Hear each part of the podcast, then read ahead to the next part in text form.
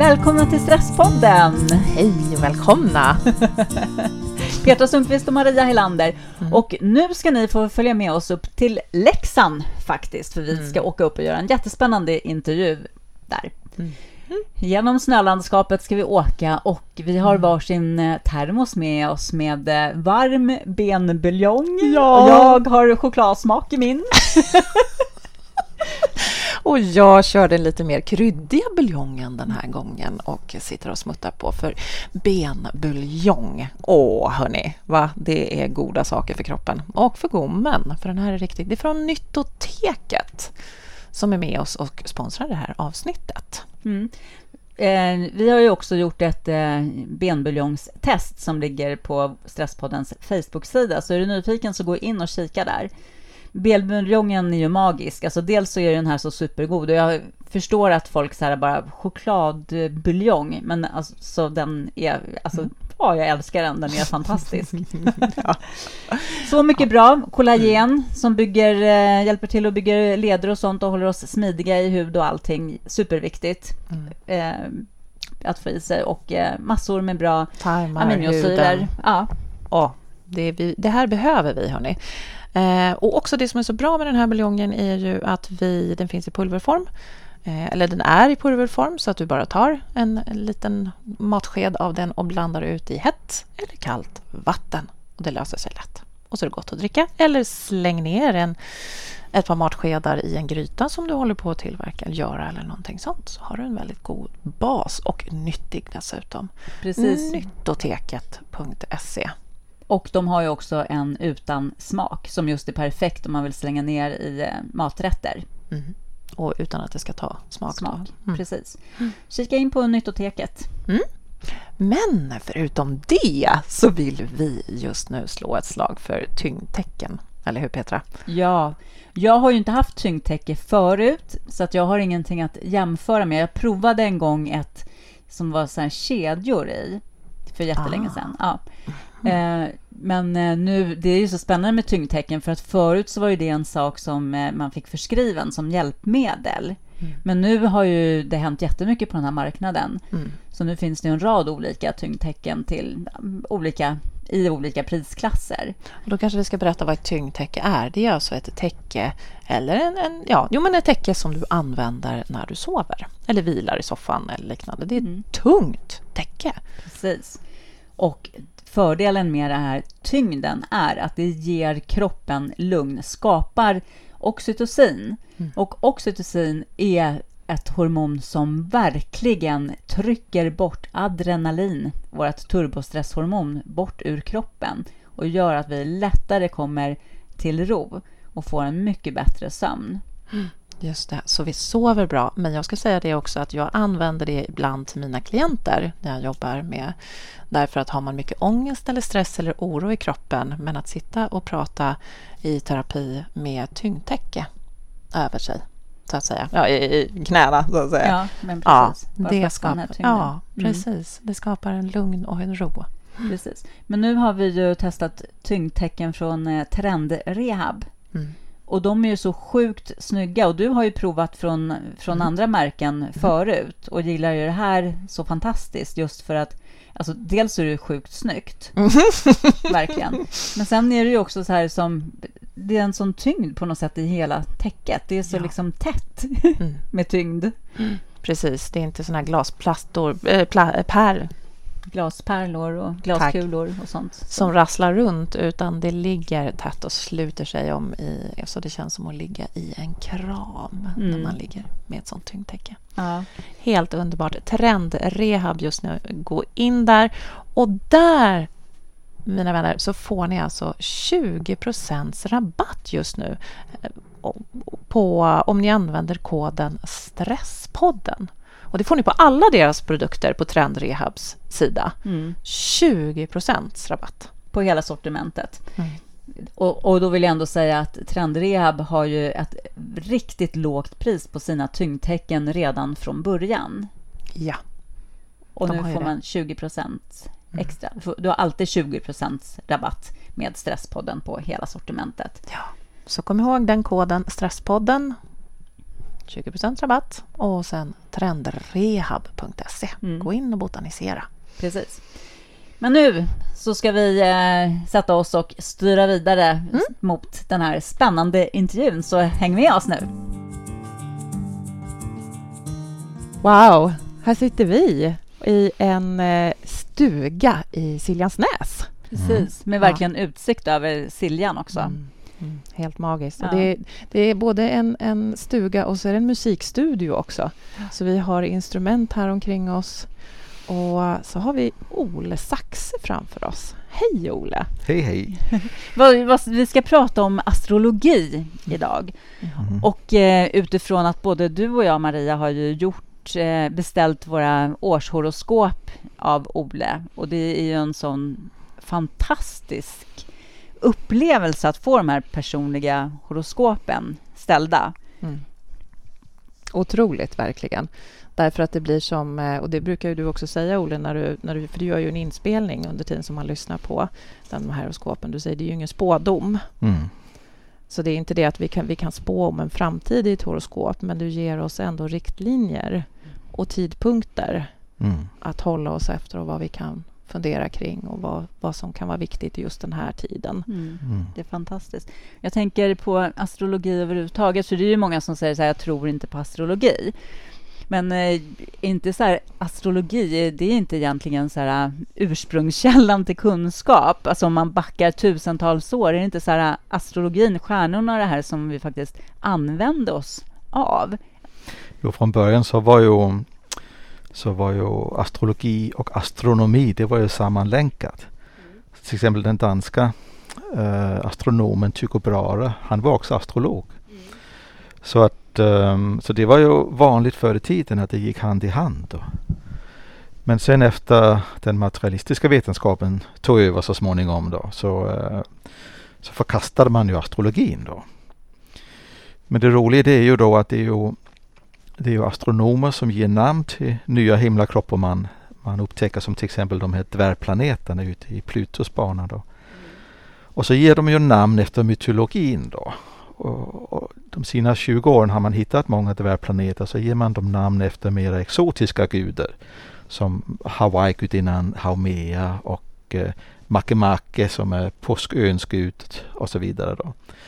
Och det roliga är ju då att även om de inte tror på astrologi så kan de inte låta bli att fångas av synkroniteten i universum så att det visar sig att det namn och den mytologi som ligger bakom kommer att stämma med den astrologiska betydelsen. Mm. När man tittar sen på vad som händer i den tiden och vad som aktiveras när det bildas aspekter till de här dvärgplaneterna så stämmer det väldigt fint med de här gamla legenderna. Då. Gud vad intressant. Kan du bara ge ett litet exempel? Så att... Ja men till exempel den här Makemake, påsköns gud då. Mm. Um, den var mycket aktiv när coronaepidemin började. Och då kan man fråga sig varför det? Ja men den epidemin har handlat mycket om isolation, då, karantän. Och Påskön är den mest isolerade ön på, på jordklotet kan man säga. Så där finns en symbolik där som stämmer. Ja, Dessutom så, så har den påskön drabbats mycket av miljökatastrofer då. Uh, man har skövlat alla träd på ön och så vidare. Man inte förstår vad det är. Det är också en symbolik som stämmer in då. Att, uh, att den här tiden är det väldigt mycket fokus på miljö och, och hur vi ska rädda jorden och så vidare. Och att uh, den här coronaepidemin kanske också har en roll i det, i, det på något vis. Så att Ehm, så det är väldigt spännande att se just när de här olika planeterna aktiveras utav de astrologiska aspekterna. Att då stämmer det med, den, med den synkronitet med de teman som är aktuella i världen. Ja, helt otroligt faktiskt. Vi ska ju idag prata om eh, eh, stress och kopplat lite till eh, olika stjärntecken. Men ja. först så skulle jag jättegärna vilja veta vad som har fått dig att bli så intresserad av det här av astrologin ja. överhuvudtaget. Ja. Ja, jag hade faktiskt en morbror som var astrolog när jag var liten. Så han, eh, han ställde våra horoskop eh, i, i, familjen lite på skoj sådär då. Men eh, det, det, kanske var en del av det som väckte intresset då. Men i övrigt så har jag ju studerat allting som handlar om eh, personlig utveckling och andliga frågor, an, andlig vetenskap och, uh, och jag började till och med att uh, studera astronomi på universitetet i Köpenhamn. Mm. Så jag har också varit in, intresserad i den rent vetenskapliga sidan så att säga. Men um, sen när jag började jobba med det, um, ja då såg jag sen att, att det fanns mycket som stämde i det och sen har jag utvecklat uh, mitt sätt att jobba med det. Jag hade också en, en astrologiutbildning uh, i några år där jag jobbade tillsammans med några av Sveriges bästa astrologer. Då. Och uh, genom dem så fick jag också utvecklat min egen sätt att jobba med det och har hittat en form nu som jag, som jag litar på och som jag ser stämmer. Då. Mm. Men sen är det också mycket som man måste släppa. Det finns ju mycket gammal vidskeplighet och, och eh, ja, kanske lite för blåögda, lite för svartvita tolkningar utav astrologin då som, som, eh, som inte riktigt stämmer längre då. Nej. För det är ju ganska intressant, för när, vi, när man pratar om astrologi med människor, de flesta tänker ju då på att ja, men jag, är, jag, jag är kräftan. Mm. Men när jag läser mitt horoskop om kräftan så stämmer inte det alls mm. överens med den jag är. Mm. Vad, vad, kan, vad kan sånt bero på? Ja, dels så handlar det om att vi är inte bara ett tecken. Det är därför man ska ställa sitt horoskop utifrån sin födelsetid och plats. Då får man ju en karta uh, hur alla himlakroppar står när jag föds. Då. Och det visar sig då att de står spridda ut i alla tecken. Då. Så att ibland så kan man ju ha fem planeter i ett annat tecken än sitt soltecken. Alltså det tecken man normalt vet att man är, jag är lejon, jag är kräftet. Det handlar om att solen står där när man föds. Då. Så veckotidningshoroskopen utifrån ett sol, ja. soltecken? Okay. Mm. Och, och, det var egentligen det är en gammal, ganska ny företeelse. Det var någon astrolog som heter Leo faktiskt som kom på det, då kan man tjäna pengar på astrologi. Mm. För då kan folk lätt veta vem de är. Mm. Men i antiken, som i Grekland och så vidare, då, då var det lika vanligt att man uppkallades efter sitt måntecken. Mm. Så att jag som har månen i, i vågen, jag kunde lika gärna kallas för våg. Mm. Men problemet med måntecknet är att den rör sig så snabbt, månen, så den går ju igenom ett tecken på två, tre dagar. Och det innebär då att då vet de flesta människor inte var de har sitt måntecken. Då måste man ju ställa sitt horoskop Precis, och känna tiden. sin födelsetid ja, och så vidare. Förstår, så att um, så det, man kan säga veckotidningsastrologin är lite mer som en, en, en, ett smart sätt att, uh, att kunna sprida det här till uh, allmänheten. Men sen är det ju finns ju mycket eh, i ens soltecken som stämmer. Om det inte är blockerat, för det är också eh, någonting som kan hända om man kanske inte riktigt känner igen sig i sitt tecken. Kan det bero på att man har några aspekter, alltså några speciella vinkelgrader till andra planeter i horoskopet som blockerar ens, ens naturliga uttryck i sitt soltecken. Då. Och då blir man ju uh, ja, ett, ett blockerat lejon eller en blockerat vattuman eller någonting då. Och då ger det ett annat uttryck då.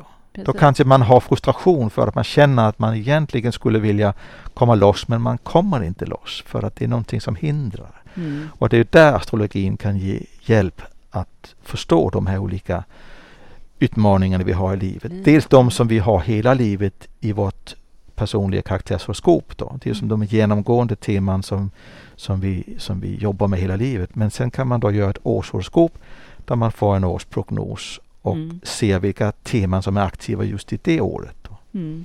Men sen är det inga spårdom som ni sa utan då Nej. är det ju som en karta. Man kan, man kan se möjliga vägar men sen måste man ju välja vilken väg man tar i alla fall själv. Så Precis. att framtiden bild skapar vi själv genom våra val. Men eh, efter att ha gjort det här för ett årshoroskop kan vi också säga, det är inte som ett medlemskap i en förening som är så här kalenderåret, utan jag kan ju göra ett, ett horoskop nu i februari, då får jag ut i februari nästa år. Mm. Så, så att man kan ju göra det när som helst. Men jag kan ju också se så här, för du går ju bakåt lite och det kan ju vara så här bara, ja, det stämmer ju så otroligt väl. Och jag har ju själv suttit i en situation och lyssnat på ditt horoskop och verkligen varit precis i den situationen som du beskriver. Alltså det är ju så här, ja, det är ju lite, det är lite magi i, i det. Det går inte att komma ifrån. Men jag sitter så här och hoppar nu och vill börja med stjärn, de här stjärntecknen och gå mm. igenom. Mm. För det är ju därför, vi har inte ens sagt det. Varför ska vi prata i Stresspodden med Ole? Det kanske vi ska säga, för ni kanske tycker att vi är helt eh, galna nu. Men vi ska ju såklart kolla på ett stressperspektiv. Finns det några stjärntecken och aspekter som gör att vissa eh, är mer sårbara än andra? Och vad är stress för en kräfta till exempel? Det är ju intressant. Um, för att stress är ju egentligen olika saker för olika människor beroende på uh, ja, vilken personlighet man har, vilka erfarenheter man har, också kanske vilka egenskaper man har lärt sig att hantera stress med förstås. Då. Så mm. det, det, är många faktorer. Um, och uh, en sak som vi inte kan ta upp idag eftersom det just handlar om måntecknet som, som man då inte direkt känner till om man inte har ställt sitt horoskop. Då. Det är ju det att månen som symboliserar det omedvetna, den visar ju våra stressreaktioner. Mm. För att eh, månen står också för det förflutna, det vill säga regressiva beteenden. Till exempel barndomens mm. eh, överlevnadsbeteende och så.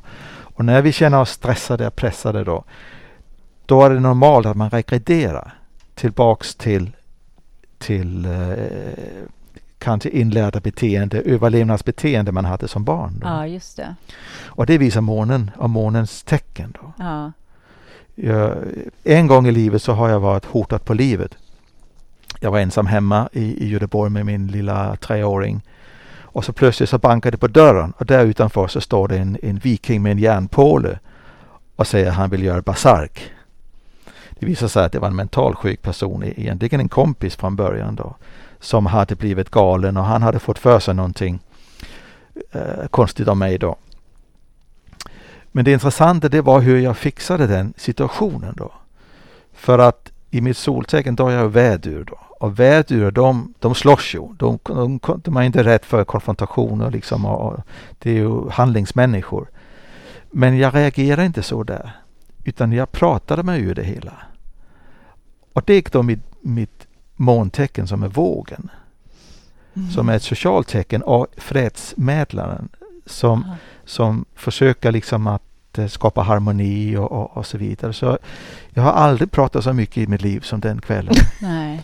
Och efteråt så, så undrar jag vad var, det som, vad var det som hände egentligen? Men jag lyckades lugna ner honom och, eh, och, och undvika den här, den här hotbilden där som, som fanns där. Mm. Och där hade du verkligen en stor glädje av att ditt Ja, då behövde jag det här mån, måntecknet och mm. den förmågan som, som um, jag kanske inte egentligen tänkte, jag visste jag hade. Så att ja, det är ett exempel på hur måntecknet kommer in i stresssituationer. Då. Precis, och det är ju en jätteviktig sak egentligen. Mm. Så att, uh, mm. när ni lyssnar på det här nu, så kom ihåg det, att uh, det här när vi tar upp nu soltecken, att det verkligen kan göra en stor skillnad hur månen står just när du föddes. Så mm. då får man gå vidare och göra ett personligt horoskop. Mm. Ja, om man är intresserad, om ja. man, speciellt om man blir överraskad över sina egna reaktioner. Ja i, i sådana stressade situationer och undrar vad, vad tusen var det? Var kom ja. det ifrån? Liksom. Ja. Då kan det vara spännande att se var, var månen står. Då. Vilken utvecklingspotential det mm. finns i ett personligt horoskop. Verkligen. Ja, och månen står ju för det omedvetna och det innebär att allting som är omedvetet kan göras medvetet. Ja. Och det är ju det som terapi och personlig utveckling Precis. är till för. Ja. Att vi ska lära känna oss själva, lära känna vår egen barndom, vårt förflutna mm och kunna göra det medvetet. Kunna lära känna skillnad på för och nu. Mm. Det är det som de flesta människor har problem med i sina relationer och så vidare. Det är det att de reagerar på gamla saker mm. utan att veta om det. Då. Mm. Och då blir ju alla missförstånd, alla krångligheter Exakt. i relationer också. Ja, ja. Mm. så intressant. Mm. Vilken resa man kan göra. Nu kör vi. Vad är det första tecknet? Då är det eldtecknen vi ska börja med då. Man delar ju upp tecknen, det är tolv tecken i, i zodiaken, alltså i, i djurkretsen. Och eh, där delar man upp dem i fyra element. Och vi ska börja med eldtecknen. Eldelementet är vädur, lejon och skytt. Det är aktiva tecken. Och är man aktiv som person, ja men då blir man ju stressad av inaktivitet. Mm. Man blir stressad när det är hinder. Mm. Någonting som blockerar ens fria uttryck och ens handlingsförmåga då. Och vi börjar med väduren där för att titta på vad som är speciellt för väduren och då är det ju otåligheten. Då. Vädur, man säger om vädur, de handlar först och tänker sen. Då. Mm. Och det finns en hel del i det där då. Eh, och det innebär också att det finns en, en otålighet, speciellt när, när, när det finns hinder och fördröjning. Och speciellt när det är små saker som, som krånglar. Blixtlås till exempel som inte vill komma igång. Då kan en, en, en vädur kan explodera över en sån sak. Ja. Eh, men datakrångel också. Eh, när tekniken krånglar då. Eh, eller om datorn är långsam. För det är det värsta en vädur vet, det är att vänta på någonting trögt så att säga. Men där hör jag också trög byråkrati till exempel, alltså när man, när man vill göra någonting då och sen så skickar man in en ansökan till någonsin och sen tar det många månader att få svar då. Mm. Det är ju någonting som stressar en, en, eh, en vädur. Sen finns det ett speciellt fenomen som vi vädurar har och det är sista skruvan fenomenet. Alltså om du har, ska reparera någonting där det finns fyra skruvar så går de tre första går lätt att få loss. Mm. Men den sista skruvan, den sitter fast. Och det kanske en speciell uh, utmaning som vi har för att, vi ska lära oss tålamod. Då. Men det är intressant för jag har ju sett det här många gånger i mitt eget liv och andra vädurar också som, som har den här speciella uh, utmaningen. Då. Och varje gång den här tröga skruvan kommer då, då bör man stanna upp och hämta, hämta sig själv igen Ja, då, så man liksom kan Mm. handskas med det här då på ett bra Ja. sätt. Mm. Ja, man blir också stressad av andras tröghet. Till exempel så en vädur är, en, är oftast en dålig chef för han kan inte delegera. Han klarar inte att se på någon som gör samma jobb långsammare eller dåligare än en själv. Därför gör man det snabbt själv istället. Ja. Och det är ju ingen bra chef. Då. Det kan ju också vara en stor utmaning för en vädur att få någon form för handikapp eller skada eller sjukdom som gör att man inte kan använda sin kropp, man inte kan vara aktiv som man vill. Då. Eh, och i relationer kan det också vara partnerns handikapp som kan vara stressande om det hindrar att man kan göra saker tillsammans aktivt till exempel. Och så. så att ehm, ja, allting som, som tar tid. Man är ju tidsoptimist som vädur. Man tror ju att det här fixar vi på fem minuter då. och sen om det tar två timmar då, då skapar det också en, en stress och en spänning. Då. Så det är väl vädurens situation då. Och får jag bara fråga då, ifall eh, de som lyssnar nu, om någon känner igen sig i det här men inte är vädur, så kan det bero på att den har månen i väduren till exempel? Um, ja, inte bara månen men kanske andra, några av de an, andra himlakropparna. Ja, det kan precis. vara Mars Ja. till exempel är ju vädurens egen planet. Om Mm. var den står är väldigt viktigt då. Mm. Um, så det är riktigt att, att man kan få vädurens egenskaper genom att man har väduren representerat i sitt horoskop. Inte med solen men med andra Precis. punkter då. Precis. Bra, David. Mm. Nu. Ska vi gå vidare till lejonet då? Mm. Uh, lejonet, uh, lejonens nyckelord är egen kontroll. Då. Det är en människa som, är, som har ledaregenskaper och som är van att gå, gå främst och leda andra. Då. Uh, och som också funkar, fungerar bäst i ett yrke där man har full kontroll själv. Då. Det finns också ett kreativt behov i många lejon. Um, den artistiska sidan är, kan vara starkt framme. Um, och det innebär ju också att stressen kanske kommer i lejonet mer när man förlorar den här egenkontrollen. Då. Till exempel om man blir styrd av andra. Uh, man måste gå i led efter någon annan då som man kanske också tycker inte är lika bra ledare som en själv. Då. Mm. Uh, och sen har man ju då eftersom man har den här artisten i sig då, scenlejonet, uh, att man har behov av uppskattning. Då. Man har behov av att få, få applåder och uh, publikens reaktion då. men det gör ju också att man ställer väldigt stora krav på sig själv och sin egen image. Alltså man, man skapar en pedestal för sig själv eftersom man gärna vill blända sin omgivning och tycker om att få den här um, responsen då. Uh, då höjer man ribban hela tiden.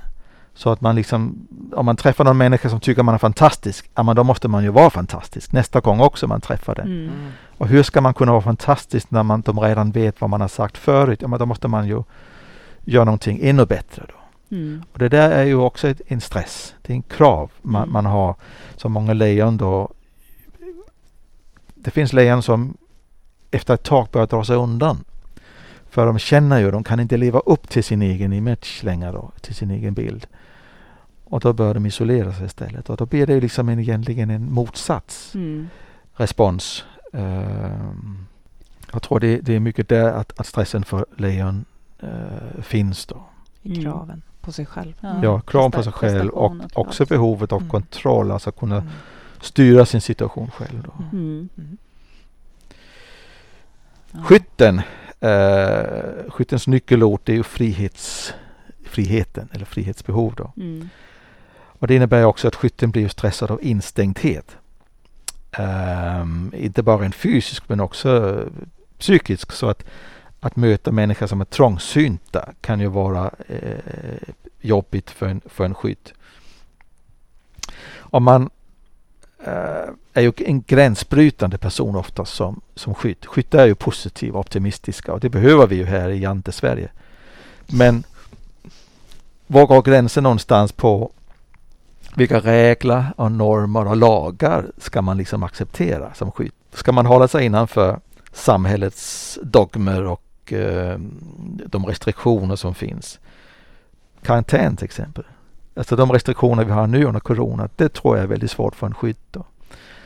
Uh, som är van att få, få bryta gränserna och reglerna. Mm.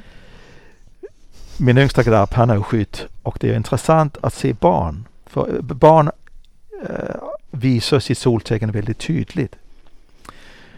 Och eh, när man ser honom uppe i skitbacken här, när han var liten då, slalombacken då, då åker han ju inte på banan i pisten där de andra gör, utan han vill åka ut i skogen då.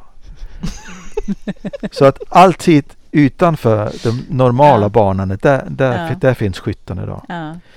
Och jag testade honom, alltså vi har en trappa in i huset och när han var liten så ställde man ju en sån här eh, hinder, en galler i trappan så inte små barn ska gå upp där och kunna ja. ramla ner då. Och det var som en magnet för honom det gallret. Mm. Han ville liksom förbi och över det här då. och sen en gång när vi var nere på bad, badbryggan här nere då så knallade han ju helt, hela tiden ut till kanten. Och så tänkte jag en gång jag skulle testa. Vad händer om jag inte håller honom där då? Så jag höll ju väldigt nära men lät honom hållas då och då springer han precis ut över kanten. Då. Och sen får jag ta honom då.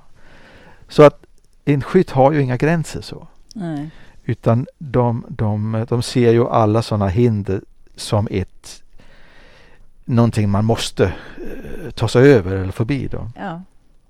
Och då, då kommer stressen när det kommer många sådana hinder och restriktioner eh, byråkrati, lagar, regler. Trafikstockning till exempel. Och här finns också en, en sida av skytten. Det här gränslösa kan ju också vara att man, att man har en tendens till överdrifter.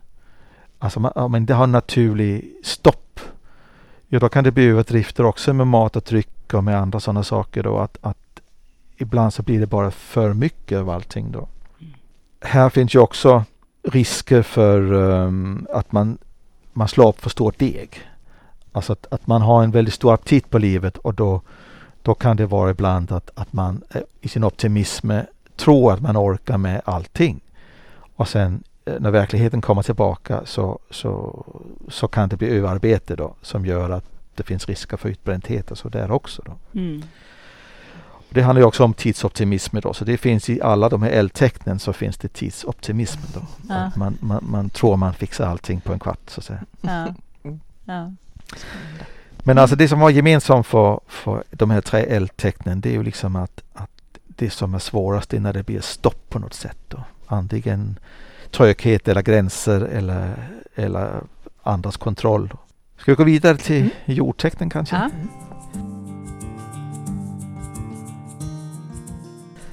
Uh, jordtecknen det är ju också jungfru och stenbock. Det är lugna tecken. Och det som kanske är gemensamt för dem det är att de blir stressade av förändring. Uh, och vi börjar med oxen där det är mest tydligt för oxen har ju ett väldigt starkt trygghetsbehov. Då. Det vill säga att de prioriterar oftast det som, som uh, är invant. Det som liksom uh, har gett dem trygghet sedan tidigare, till exempel hur man bor, vilken relation man har, matvanor, ekonomi, arbeten och så vidare. Uh, det finns också en, en bundenhet till tradition i familjen så att man kan liksom upprepa släktens beteende för att, att det finns en speciell trygghet med det. Mm. Uh, den här familjekänslan den gör ju också att, att man är väldigt bunden till sin familj. Om det är ja, sin egen partner, sina barn, sina föräldrar men också syskon och släkten i övrigt. Då. Och det innebär då att uh, man kan ta på sig deras stress. Alltså man är väldigt uh, nästan organisk förbunden med, med sin släkt på så vis att, att uh, om det är något problem med släkten, ja, då, då blir man lika mycket stressad som det är sina egna problem. Då. Aha, okay. ja. Och sen så blir man ju då stressad om det är någon som kräver förändring. Alltså man bygger mycket sin, sin trygghet på, på vanebeteenden, det vill säga att man, man gör som man brukar göra. Och det skapar rutiner, det skapar en trygghet och, och om man då hittar en relation, vilket man ju då ofta gör, med en motsats, till exempel med eldtecken som hela tiden vill, vill göra något annat då. Ja, men då kommer det konflikter i relationen på grund av det. Då blir det liksom en, en um... en gas och en broms. Ja, det blir det precis. Ja. Och då kommer en stress av det då. Och det handlar ju om som, som också till exempel att, att göra en uppdatering ibland med vad är jag egentligen? vilka av mina beteenden är bara vanebeteende och vilka är sanna för mig nu. Och det är ju ja, det är viktigt att, att eh, öppna sig för det då. Mm. Men det jag tänker bara, om man vet om det här, alltså med just sitt egna personliga horoskop och vet att det är därför som jag är så här och så träffar jag en person som är skytt till exempel, som ja. inte är så, så måste det också finnas en fantastisk så här, utveckling för båda två ifall mm. båda är medvetna om det och ändå vill anta utmaningen. Liksom. Det är ju det som är, som är det fascinerande. Ja. Uh, att vi, vi ofta så träffar vi någon som har eh, motsatser i sin ja. karaktär just för att vi ska växa. Vi ska, det är därför vi är här på jorden, för att vi ska lära oss någonting av varandra. Mm där kan man ju utnyttja förälskelsesperioden. Alltså i början av en relation om man är kär, då gör man allting den andra säger. Och det är då man har chansen att förändra varandra snabbt. Mm. så, så det är intressant att se när man är medveten om det, att man, man, man vet liksom att okej, okay, egentligen skulle den här personen aldrig göra det här. Men just det här kommande året, då har vi chansen mm. att gå över de här gränserna och använda hormonerna i kroppen som hjälp. Då.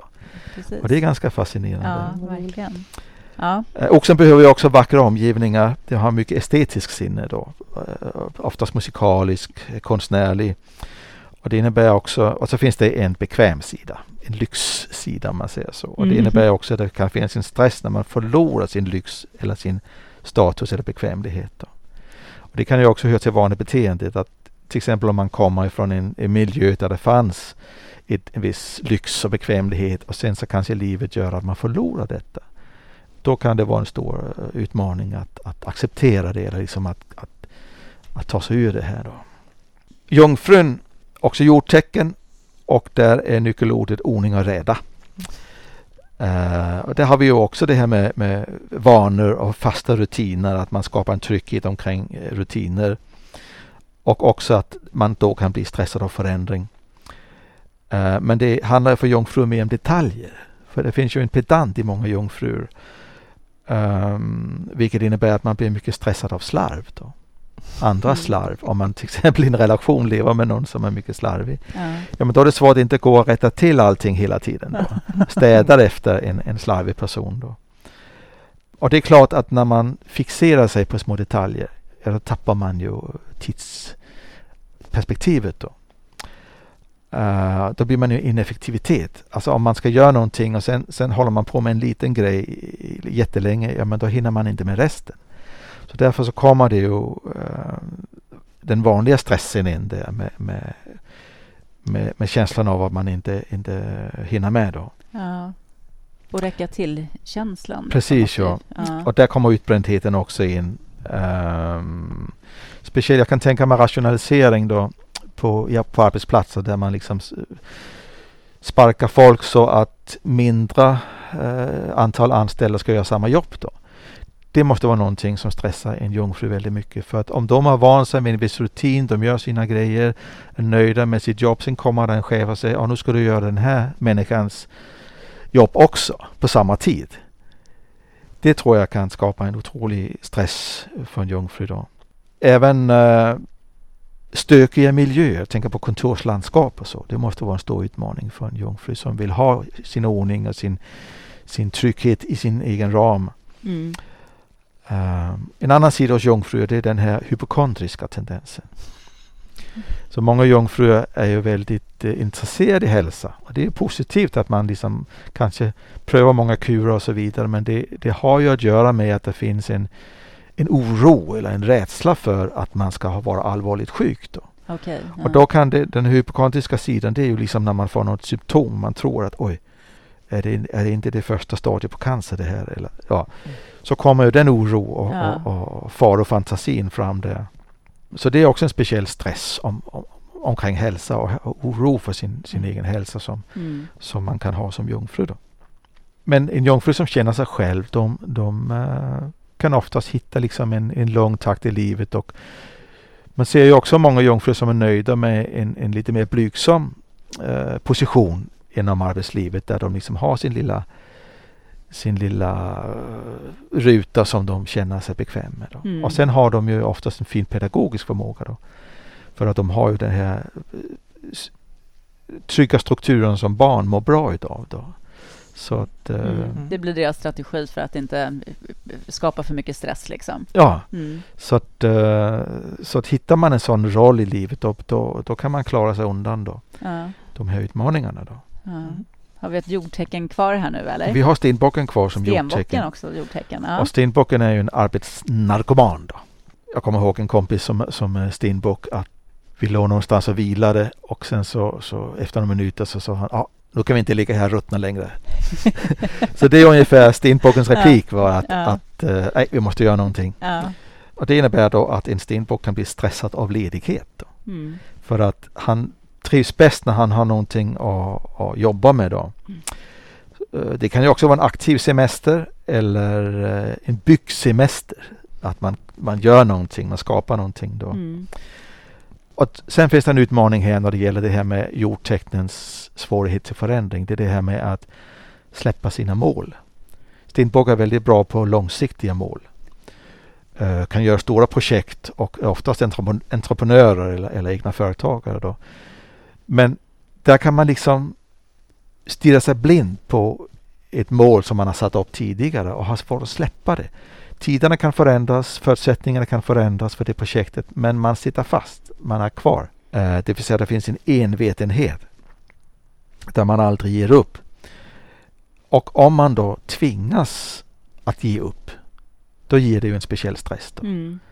Till exempel att gå, att gå ifrån ett halvfärdigt projekt. Då det kan vara en stor eh, källa till oro och bekymmer. Ja, alltså en inre känns stress. Inte bra, liksom. ja, mm. Man känner att det, det, det är ofullbördat. Och där kan ju också komma speciella stresssituationer om man till exempel har kollegor, arbetskollegor som har lägre ambitioner än en själv. Då. Man har väldigt stora ambitioner på sig själv som stenbock. Uh, men ofta så klarar man ju det. Man är väldigt produktiv och väldigt effektiv i sitt sätt att arbeta men det är väldigt svårt att hitta kollegor som har samma eh, förmåga eller samma ambition. Då. Och då kommer det ju att skapa konflikter. Mm. Därför så finns det många stenbockar som, som bestämmer sig ensam är stark. Uh, och då blir du ensam på toppen. Och det är en annan stress då. Att, att om det är bara jag som orkar med det här och alla andra ramlar av på vägen. Ja, men, mm hur kul är det? Ja, precis. Och hur länge orkar en person axla det liksom? Ja. Också. Mm. Ja. Men som tur är så finns det i stenbocken så finns det um, fenomenet late bloomer. Alltså en blomma som utblommar sent mm. på året. Därför så ser man många stenbockar som, som först hittar sig själv sent i livet. Mm. Och det, det, det är intressant att se när, när, det, när det löser den här stressbördan, den här pressen då för, mm. för många. Då. Alltså de, de kan bli unga i 70-årsåldern till exempel. Ja. Så det är intressant. Vad spännande. Nu kommer ju våra, alla ni som lyssnar där ute få fortsätta lyssna nästa vecka helt enkelt. Mm. Så tackar vi för idag. Och för dig som inte vill vänta till nästa vecka utan är så nyfiken på att beställa ditt eget årshoroskop så kan du gå in på Ole Saxes hemsida Haumea, alltså haumea.se och läsa mer om hur han arbetar där och hur du kan kontakta honom för att få hjälp. I nästa vecka kommer Stresspodden att fortsätta att intervjua Ole och berätta om vattentecknen och lufttecknen. Så ha det så bra tills dess så hörs vi. Hej då!